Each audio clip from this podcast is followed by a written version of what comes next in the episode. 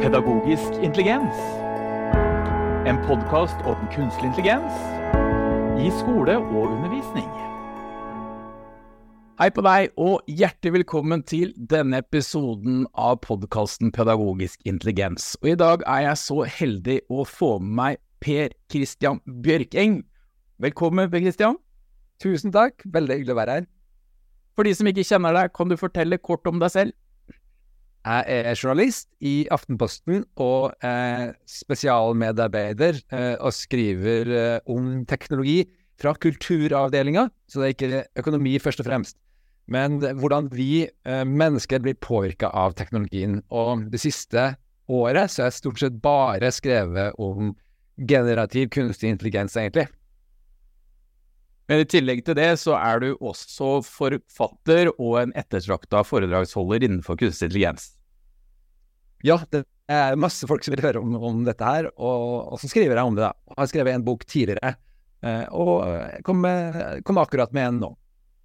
I 2018 så skrev du boka 'Kunstig intelligens den usynlige revolusjon'. Vi kan vel ikke på noen måte si at den er så veldig usynlig lenger. Hva handlet den boka om? Nei, Den handla jo om dette her at uh, kunstig intelligens var en, uh, for de aller, aller fleste da, en helt ny eh, teknologi som gjorde det mulig for maskiner å lære seg ting. det spesielle da var jo at alle ting du skulle ha gjort med kunstig intelligens, det var veldig spesialisert, og det krevde typisk massevis av eh, ja, egne folk, ikke sant, og masse data og, og, sånne ting som de færreste hadde. Sånn at det ble den usynlige revolusjonen. Det var ikke ting som eh, vi egentlig merka direkte i hverdagen, eh, sånn som eh, vi dør faktisk i dag. Så det skjedde en stor revolusjon 30.11.2022, når uh, OpenAI slapp, slapp, slapp ChatGPT i, i versjon 3. Eh, og du som skriver mye om generativ AI, eh, og, snakker med mye mennesker som journalist, hvordan føler du kompetansen er ute i det norske samfunnet i forhold til språkmodell kunstig intelligens? Jeg føler at det er veldig, veldig mye usikkerhet. Og at um, jeg blir stadig overraska over hvor lite det brukes. Og så vet vi jo at det er noen da, som bruker det veldig mye.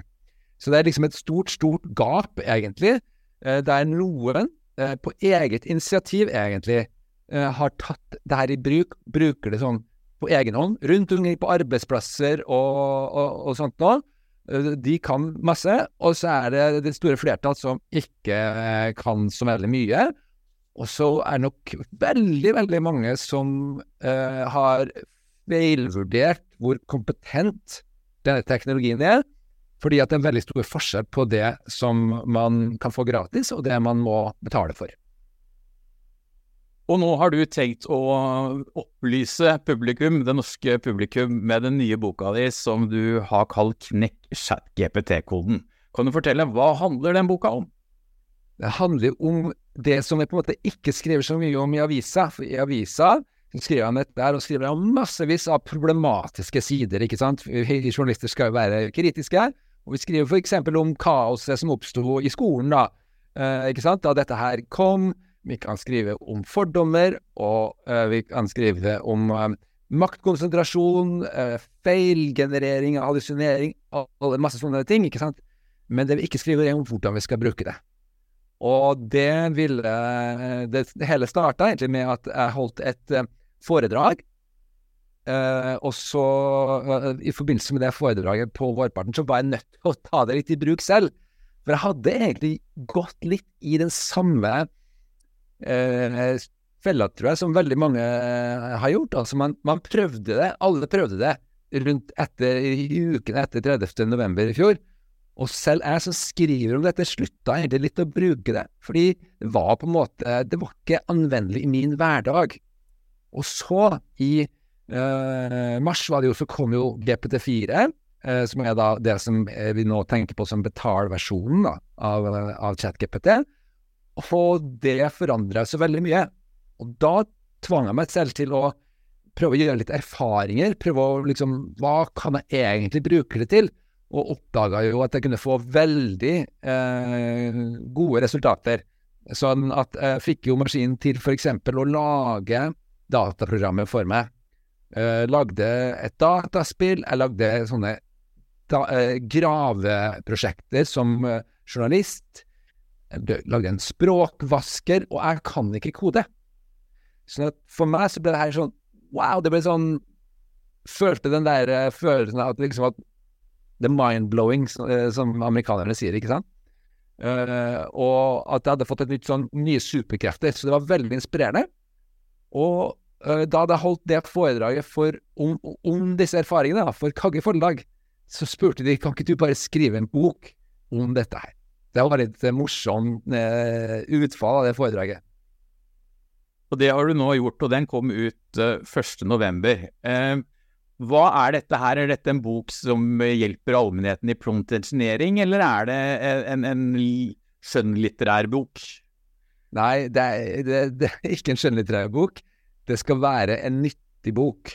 Uh, og jeg kaller det ikke prompt engineering, men instruksdesign. Det er et av mine ja, Jeg forsøker kanskje, siden jeg skriver det som sannsynligvis er den første norske boka om dette her, da, så syns jeg vi kan koste på oss et litt bedre ord og kalle det for en instruks i stedet for en prompt.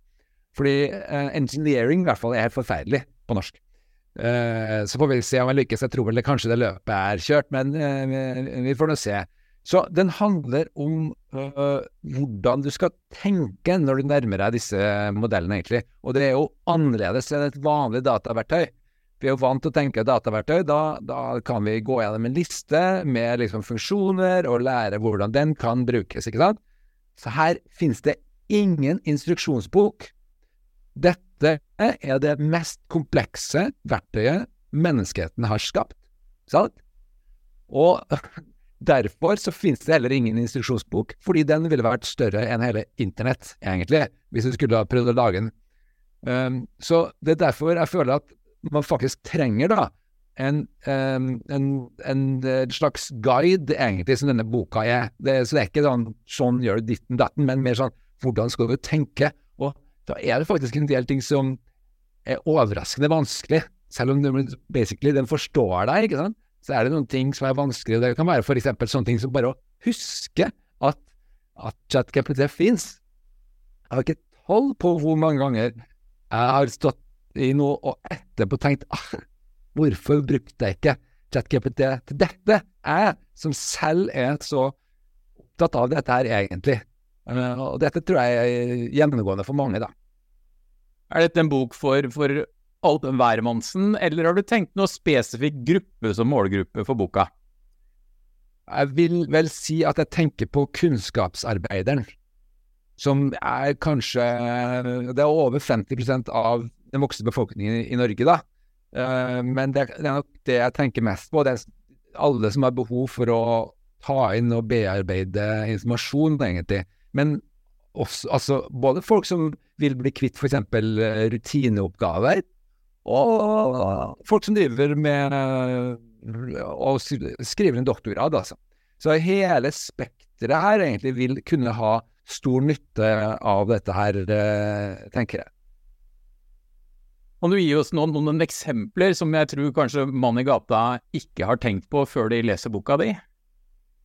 Ja eh, Jeg skriver jo egentlig eh, om hvordan jeg ikke bruker den til å skrive for meg. Altså, det vi trodde først var veldig eh, liksom det man skulle bruke den til, nemlig å få den til å skrive noe, er det jeg bruker den aller minst til. Og så er det ikke helt sant at ingen kan bruke den til det. Men det å få den til å skrive for seg krever ganske eh, mye, egentlig, for at det skal bli eh, bra. Man må skrive ganske mye om hva man vil den skal skrive, da. Um, uh, så, så, det er uh, litt sånn resultatet gjerne blir litt av hva man bruker det til, kanskje blir litt motsatt av det man tenker seg, da.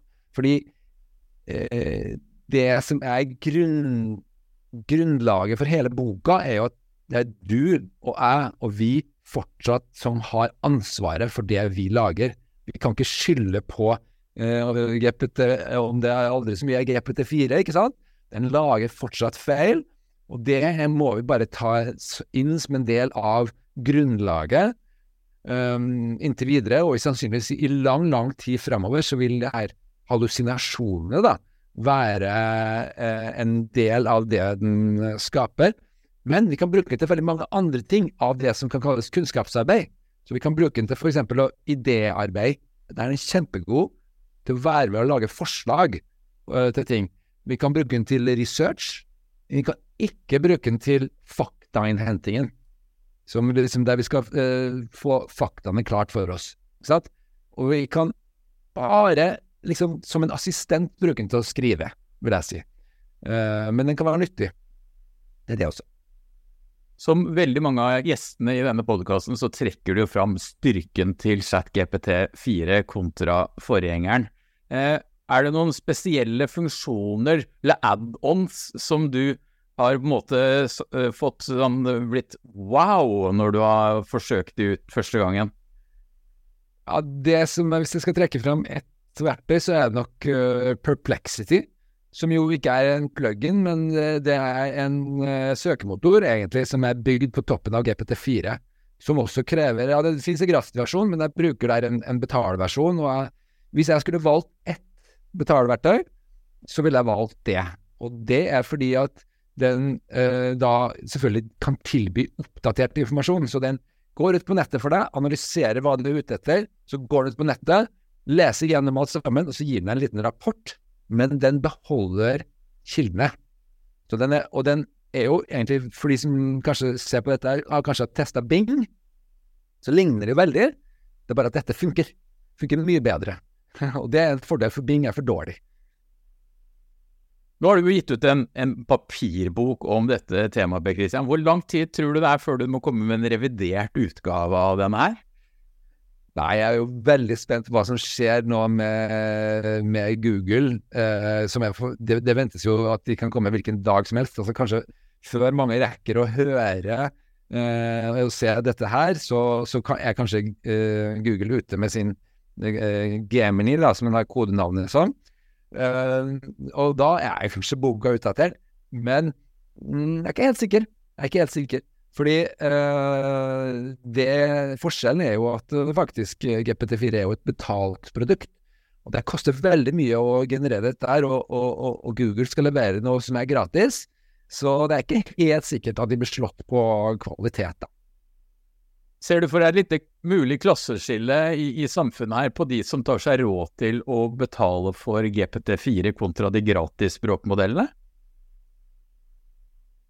Eh, ja, jeg, jeg, tror faktisk det. Og jeg vil si at det spørs jo hva du skal drive med, men klart, eh, for en videregående elev f.eks., så vil det jo være veldig stor forskjell på å, å få svarene sine fra en Eh, eh, fra gratisversjonen og fra GPT4.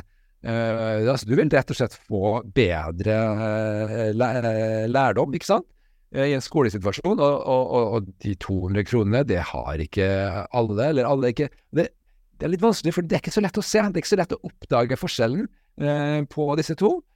så ja, jeg tror faktisk at dette her kan bli et problem, og jeg, jeg råder jo folk til å faktisk betale for dette. her.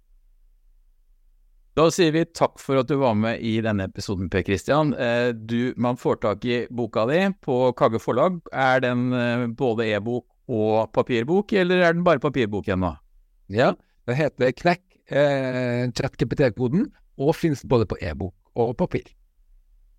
Da gleder vi oss til å lese boka, Per Christian, og lykke til med salget. Du, du, hopper jo etter Inga Strunke, som kom opp på salgslistene for all mulige bøker i Norge når hun ga ut den siste store boka om kunstig intelligens i Norge. Så lykke til! Tusen, tusen takk.